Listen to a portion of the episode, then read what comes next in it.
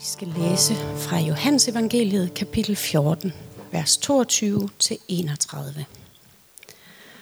Judas, ikke Iskariot, sagde til ham, Herre, hvordan kan det være, at du vil give dig til kende for os, men ikke for verden? Jesus svarede ham, Den, der elsker mig, vil holde fast ved mit ord, og min fader vil elske ham, og vi skal komme til ham og tage bolig hos ham. Den, der ikke elsker mig, holder ikke fast ved mine ord. Og det ord, I hører, er ikke mit, men faderens, som har sendt mig. Sådan har jeg talt til jer, mens jeg endnu var hos jer. Men talsmanden, Helligånden, som faderen vil sende i mit navn, han skal lære jer alt og minde jer om alt, hvad jeg har sagt til jer. Fred efterlader jeg jer. Min fred giver jeg jer. Jeg giver jer ikke, som verden giver. Jeres hjerte må ikke forfærdes og ikke være modløst. I har hørt, at jeg har sagt til jer, jeg går bort, og jeg kommer til jer. Hvis I elskede mig, ville I glæde jer over, at jeg går til faderen, for faderen er større end jeg. Nu har jeg sagt det til jer, før det sker, for at I skal tro, når det sker. Jeg skal ikke tale meget med jer mere, for verdens fyrste kommer, og mig kan han intet gøre. Men det sker, for at verden skal forstå, at jeg elsker faderen og gør sådan, som faderen har påbudt mig. Rejs jer, lad os gå herfra.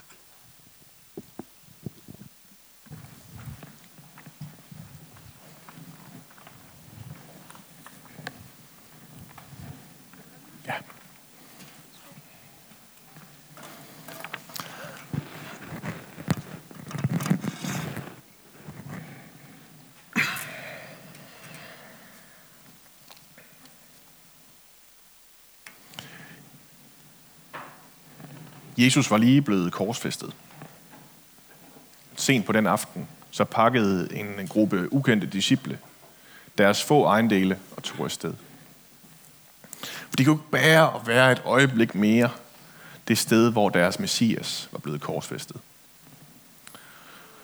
Tynget af sorg forlod de Jerusalem for aldrig at vende tilbage. De rejste langt væk for at finde et sted, hvor de kunne, som de kunne kalde deres hjem. Og efter måneders barsk rejse, så fandt de endelig et øde sted langt ude, hvor der var ideelle betingelser for at skabe et helt nyt samfund. Jorden var frugtbar, der var rent vand og en skov i nærheden, hvorfra de kunne finde træ til deres hytter. Så slog de sig ned der og etablerede et fællesskab langt fra Jerusalem. Et fællesskab, der afgav løfter om at holde mindet om Kristus i live og leve i enkelthed, kærlighed og tilgivelse, sådan som han havde lært dem, inden han døde. Medlemmerne af dette fællesskab levede i ensomhed i over 100 år. De brugte dagene på at tænke over Jesu liv og forsøgte at leve i overensstemmelse med hans lære. Alt det gjorde de på trods af den overvældende sorg, der var i deres hjerter. Tidlig en morgen blev deres isolation brudt da en lille gruppe missionærer nåede frem til deres landsby. Missionærerne var forbavsede over, at det fællesskab, de fandt. Det mest forbløffende for dem var, at de her, disse mænd ikke vidste noget om Jesu opstandelse og himmelfart. For de havde forladt Jerusalem, før han vendte tilbage fra de døde på den tredje dag. Uden at tøve samlede missionærerne alle fællesskabets medlemmer og fortalte, hvad der var sket efter fængslingen og henrettelsen af deres herre. Og den aften var der stor fest i lejren, der alle fejrede missionærernes nyheder. Men som aften skred frem, lagde en af missionærerne mærke til, at lederen af fællesskabet manglede. Det bekymrede den her unge mand, og han begyndte at gå rundt og lede efter den her agtede ældste. Til sidst så fandt han fællesskabets leder, bedende og grædende, sammenkrøbet på gulvet i en lille hytte i udkanten af landsbyen. Hvorfor er du bedrøvet? spurgte missionæren forbavset. I dag er glædens dag. Det kan meget vel være en glædens dag, men det er også en sorgens dag, svarede den ældste, mens han stadig lå sammenkrøbet på gulvet. Lige siden dette fællesskab blev stiftet, har vi levet efter de befalinger, Kristus gav os. Vi har fulgt hans anvisninger trofast, selvom det har kostet os dyrt. Og vi er forblødet standhaftige til trods for, at døden besejrede ham, og en dag også vil besejre os. Den ældste rejste sig langsomt, og med lidenhed i blikket, så så han missionæren i øjnene. Hver dag har vi forsaget vores liv for hans skyld, fordi vi mente, at han var det offer værd. Men efter de her nyheder er jeg bange for, at mine børn og mine børnebørn ikke vil følge ham på grund af hans radikale liv og ultimative offer, men af egoistiske grunde. Fordi hans offer sikrer dem personlig frelse og evigt liv. Med disse ord vendte den ældste sig og forlod hytten for at slutte sig til festlighederne, der kunne høres i det fjerne, og efterlod missionæren sammenkrøbet på gulvet. Bliver vi bedre mennesker af at være kristne? Eller har vi i virkeligheden bare valgt at investere i en slags guddommelig forsikringspolice? I for, så fald så skal jeg i hvert fald lige vende mig selv til at tænke lidt mere som, om mig selv som forsikringssælger end præst. Øh, Jesus han advarer imod det i dagens beretning fra Bibelen. Vi er så tæt på det hele slutning, som det efterhånden, vi efterhånden kan være. De sidder om bordet her til den sidste nadver. Det er her, den her samtale foregår. Judas han er blevet afsløret og er stukket af for at hente soldaterne. Så han kan blive rig, og Jesus han kan blive sendt for retten. Og om lidt så tager de ud i Gethsemane have. Det er det aller sidste, der sker, da de rejser sig for at gå. Hvor han vil blive anholdt og givet den mest uretfærdige rettergang. Og til sidst blive henrettet og dø på den mest ydmyge måde, ydmygende måde, man kan forestille sig. Jeg tror, jeg tror, det er sådan lidt i baghovedet på Jesus lige nu. Så da Judas J, den ukendte Judas, spørger ham, Herre, hvordan kan det være, at du vil give dig til kende for os, men ikke for verden? Hvorfor får alle de andre mennesker ikke det her at vide? Så svarer Jesus ret så direkte, eller så direkte, som han nu får lov til det i Johannes evangeliet i hvert fald. Han siger sådan her, den, der elsker mig, vil holde fast ved mit ord. Den, der ikke elsker mig, vil ikke holde fast ved mit ord. Det er simpelthen det, der er testen. Hvis man elsker Jesus, så holder man fast i hans ord. Så tror man ham, lever efter hans vilje, lever et liv, hvor det er ham, der er omdrejningspunktet for ens liv. Hvis man ikke elsker ham, ja, så står det skidt til. Så er man egentlig ikke interesseret i alt øh, det andet, Jesus gerne vil have en til, og have en til at gøre. Og det sætter jo unægteligt mig i hvert fald lidt i et skidt lys. Øh, fordi jeg, jeg hører i hvert fald til den sidste kategori. Det ved jeg ikke, om der er andre herinde, der også gør. Jeg er ret sikker på, at, øh, at de fleste af os er blevet ramt af forfærdelse og modløshed inden for den sidste uges tid, som er bare sådan en af de konkrete påbud, Jesus han giver os bare i den her tekst. Kigger man lidt længere rundt i evangelierne, så kan det også være, at der er nogle af os, der er, har lidt lidt af, af vrede, eller har båret nag. Og så har mange af os nok også hyklet helt vildt meget. Øh, alt det, som dem, der elsker Jesus, de egentlig ikke gør. Da vi øh, startede på pastoralseminaret, så skulle vi skrive et læserbrev om, hvad det vil sige at bekende Jesu opstandelse i dag. Øh, det var sådan vores ryste sammenøvelse i stedet for en tøjkæde øh, på pastoralseminaret. Og det var nu egentlig meget rart. På det tidspunkt så var der sådan en stor debat om Jesu opstandelse i folkekirken. Eller i folkekirken synes vi i hvert fald selv, der var en stor debat. Der var læserbreve og alt muligt vildt. Øh, var det nu lige frem en fysisk krop og det hele, han opstod med? Eller var det sådan lidt mere sådan i, i overført betydning? Noget med noget lys, der sejrer over noget mørke, eller sådan et eller andet. Og så kunne vi jo ligesom på pastoralseminaret der, også nye seminarister, vælge en af de to positioner. Øh, og så havde vi ligesom styr på, hvem der var de gode, og hvem der var de onde. Og lærerne, de vidste, hvad de ville have at slås med. Og jeg har simpelthen aldrig brugt mig særlig meget om, når jeg skal tvinges til at vælge mellem to lejre. Så jeg skrev i stedet for øh, min, min kronik med, med overskriften Jeg benægter Jesu opstandelse dagligt. Og øh, begge lejre, de var sådan ret forvirret over, hvad jeg egentlig mente med det. Men det gør jeg desværre. I dåben, så blev jeg nemlig slået ihjel og genopstod sammen med Kristus. Som Paulus taler om det i sit brev til romerne. Gamle Adam, alt det i mig, som trækker mig ned i sølet, hele den del af mig, den døde jeg fra, og til gengæld så opstod jeg med Jesu opstandelseskraft. Med hans ånd boende i mig. Men det er ligesom om, at gamle Adam, han stikker alligevel lige sit hoved frem. Sådan lige lidt oftere, end jeg bryder mig om. Og fortæller mig, at det lyder da meget godt med al den der godhed og alt det der, du har fået del i. Men var det ikke lidt nemmere lige at tage en bid af den frugt der? Det er der jo ikke nogen, der tager skade af. Men det er der. Det gør jeg selv, og det gør andre mennesker omkring mig. Og hver gang det sker, så har jeg benægtet Jesu opstandelse endnu en gang. Og så står vi måske tilbage samme sted. Måske var det bedre, hvis jeg aldrig havde hørt, at Jesus han var opstået fra de døde. Og jeg ikke troede, at, at, at det at være kristen, det først og fremmest handlede om at få del, eller få styr på min guddommelige forsikringspolice. Jesus han er af gode grunde påpasselig med at fortælle, hvem han er. Tit så bliver folk svoret til tavshed, efter han har helbredt dem. Fordi hvis de gik ud på gaden og fortalte, at Messias var kommet til jorden, ja, så ville Messias få skudt så mange ting i skoene. Det aldrig var meningen, Messias han skulle.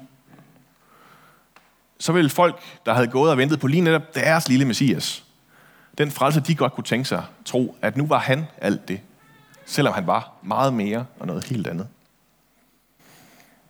Og derfor så er løsningen en helt anden.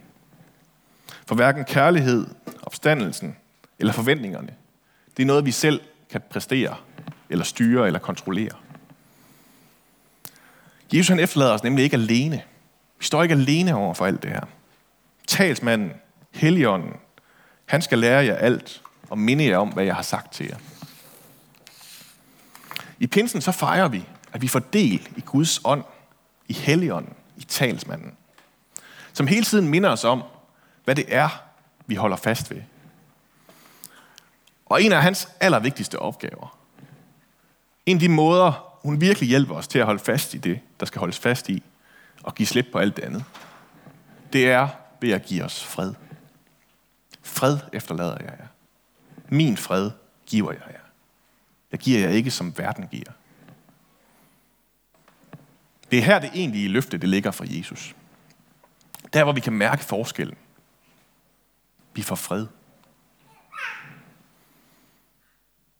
Bag det her hebraiske ord for fred, shalom, er det egentlig ikke mit første hebraiske ord i år. Jeg tænker, øh, jeg tænker faktisk også, at det er så kendt, at det ikke tæller imod mine tre ord om året, kvote.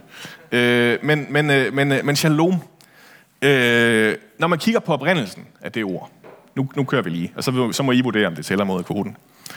Så bliver det interessant. Det bruges i alle mulige mærkelige sammenhænge gennem hele Gamle Testamente. For eksempel så bliver det brugt til at beskrive en sten, eller en mur, eller en forflok. De kan alle sammen være shalom. Øh, og øh, en shalomsten for eksempel, det er en sten, som er sådan helt perfekt formet, som ikke har nogen revner eller, eller, eller sådan mærkelige kanter. En shalom-mur, det er en mur, som ikke har nogen huller, som ikke mangler nogen som helst stykker i sig. Så shalom, det betyder egentlig, at man samler noget, der er i stykker, til noget, der er helt og fuldt. For eksempel så står der om en forflok, at, at den bliver shalom, når alle forerne er samlet. Når de alle sammen er der, så har vi en shalom forflok. Så måske skal vi udvide begrebet og sige, at det handler om, at vi samler noget, der er komplekst og fyldt af en masse forskellige stykker, og gør det til noget, der er helt og komplet, fuldstændigt igen. Og det er det, Jesus han mener, når han siger, at han vil efterlade os med hans fred. Det er den fred, han taler om. At hele mit fragmenterede sind, fyldt af alle mulige huller af meningsløshed og smerte og skuffelser, at det bliver, det bliver samlet til noget, som er fuldstændigt igen. Hvordan i alverden gør man det? Det er jo heller ikke, fordi jeg altid synes, jeg lige går og kan snuse det. Øh, jeg har fundet en genvej. Filosofen øh, Robert Nozick, han foreslog i 1974 erfaringsmaskinen som sådan en, en filosofisk øh, øh, eksempel. Han bad folk om at forestille sig en øh, maskine, vi kunne påføre os, som så ville slå kroppen fra og sætte hjernen i sådan en komatilstand.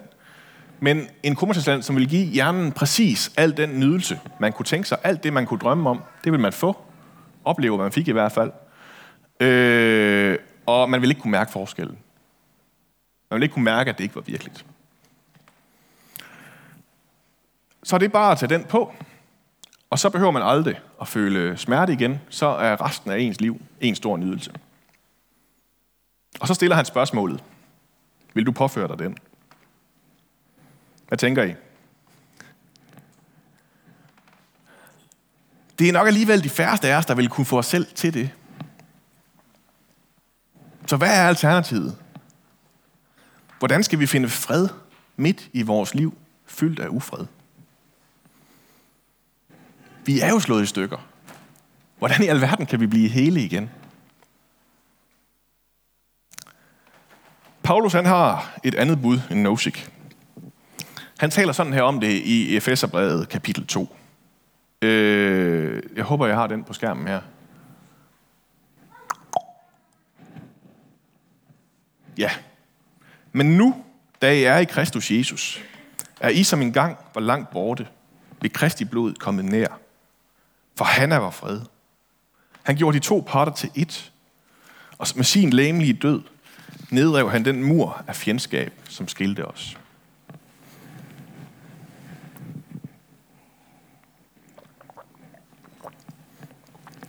Jesus han har simpelthen reddet murene ned. Både dem, vi har bygget mellem os selv, og dem, vi har bygget mellem os og andre mennesker. I den kontekst, han, Paulus han taler ind i, til den her Efeser menighed, så handler det i første omgang om at lære mennesker at forholde sig til, at der både er jøder og hedninger i samme rum, i den samme kirke. Det har man ikke prøvet før i den her vildt segregerede kontekst, øh, som, som alle de her forskellige folkeslag de levede i. Hedningerne de går og bliver kaldt uomskårne af jøderne. Og jeg kan godt forstå, at jøderne de er lidt misundelige for, at de slipper hedningerne. Øh, og, og har jo på alle måder haft, haft øh, vildt svært ved at, at følge alle reglerne. De har sikkert spist svinekød, og måske endda bagt et kid i dit mors mælk. Og alle mulige andre måder har de bevidst og ubevidst brudt alle kosher-reglerne. Øh, og på den måde så bliver de jo aldrig nogensinde gode nok til at være med i klubben.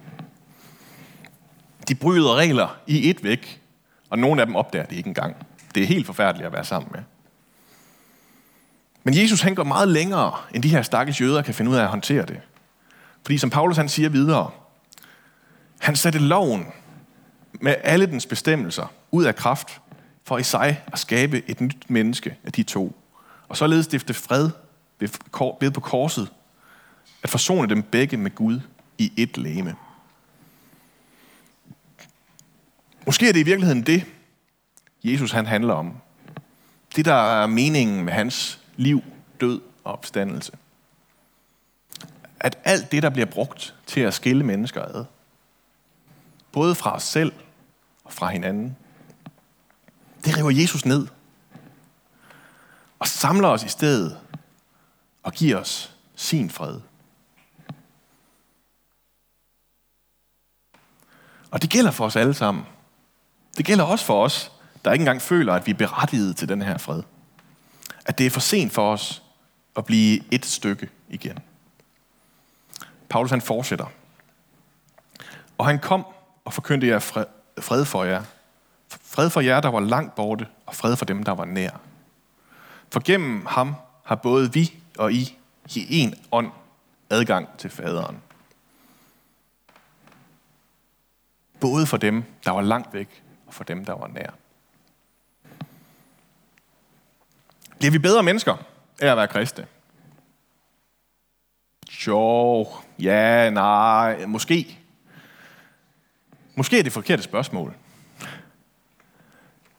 Fordi kristendommen, den handler ikke om, hvad det er, vi gør. Først og fremmest. Den handler om, hvad vi får. Og det vi får, det er en fred. Det er en shalom. En fred, som samler det, der var i stykker, til et. En fred, som vi ikke kan få andre steder. Bliver vi så hele mennesker af at være kristne? Er det det, der er spørgsmålet? Jo, ja, nej, måske. Det kan godt nok tit opleves som om, at det overhovedet ikke er tilfældet. Jeg har stadig alle sårene fra min, mit liv med mig. Jeg er stadig fyldt af længsler, der peger i alle mulige modsatte retninger, og oftest indbyrdes modstridende retninger. Gode og dårlige. Jeg prøver stadigvæk at, at, at skære mig selv ud i bidder, så jeg passer ind i de forskellige sammenhænge, jeg omgår i, for at få verden til at passe omkring mig. Men det, som sker i pinsten, det, som Helligånden giver til mig, det er fred med Gud. Igennem Jesus har vi i en ånd adgang til faderen. Og igennem det kan det hele blive forløst. Før eller siden. I får lige en sidste Paulus øh, fra Romerbrevet nu. Han siger sådan her i kapitel 5. Da vi nu er blevet gjort retfærdige af tro, har vi fred med Gud ved vor Herre Jesus Kristus. Ved ham har vi i troen fået adgang til den nåde, som vi står i. Og vi er stolte af håbet om Guds herlighed. Og ikke, ikke alene det, vi er også stolte af vores trængsler. Fordi vi ved, at trængslen skaber udholdenhed, udholdenheden fasthed, og fastheden håb. Igennem den her fred, som Jesus påstår, vi ikke kan få andre steder, så bliver vores trængsler pludselig til noget, vi er stolte af. Noget, der giver os håb. Det er der, forløsningen kommer fra. Og det giver kun mening, hvis man tror på, at Jesus han kan få det til det. Og det er derfor, han er opstået og har sejret over døden. Ikke for at give os en guddommelig forsikringspolice, men for radikalt at forandre os. Forandre måden, vi ser verden på. Så vi bliver helede og ser på os selv og på verden på en helt ny måde. Hvor Helligånden, talsmalen, hele tiden taler ind i øret på os, fortæller os, at selvom smerten den stadigvæk er en del af vores virkelighed, så er den forløst i Kristus. Jesus han har båret det, jeg ikke selv kunne bære. Og det sætter mig fri til at leve et nyt liv, hvor det, der er i stykker, faktisk kan blive helt og fuldt igen. Glædelig pinse. Jesus, vi siger dig tak, fordi at du ikke har efterladt os faderløse. Tak, fordi du har sendt din ånd, din talsmand, som bor inde i os, og hele tiden heler det brudte, giver os nye øjne og se os selv og hinanden med, og gør det, der er i stykker, til et helt. Et hele igen. Amen.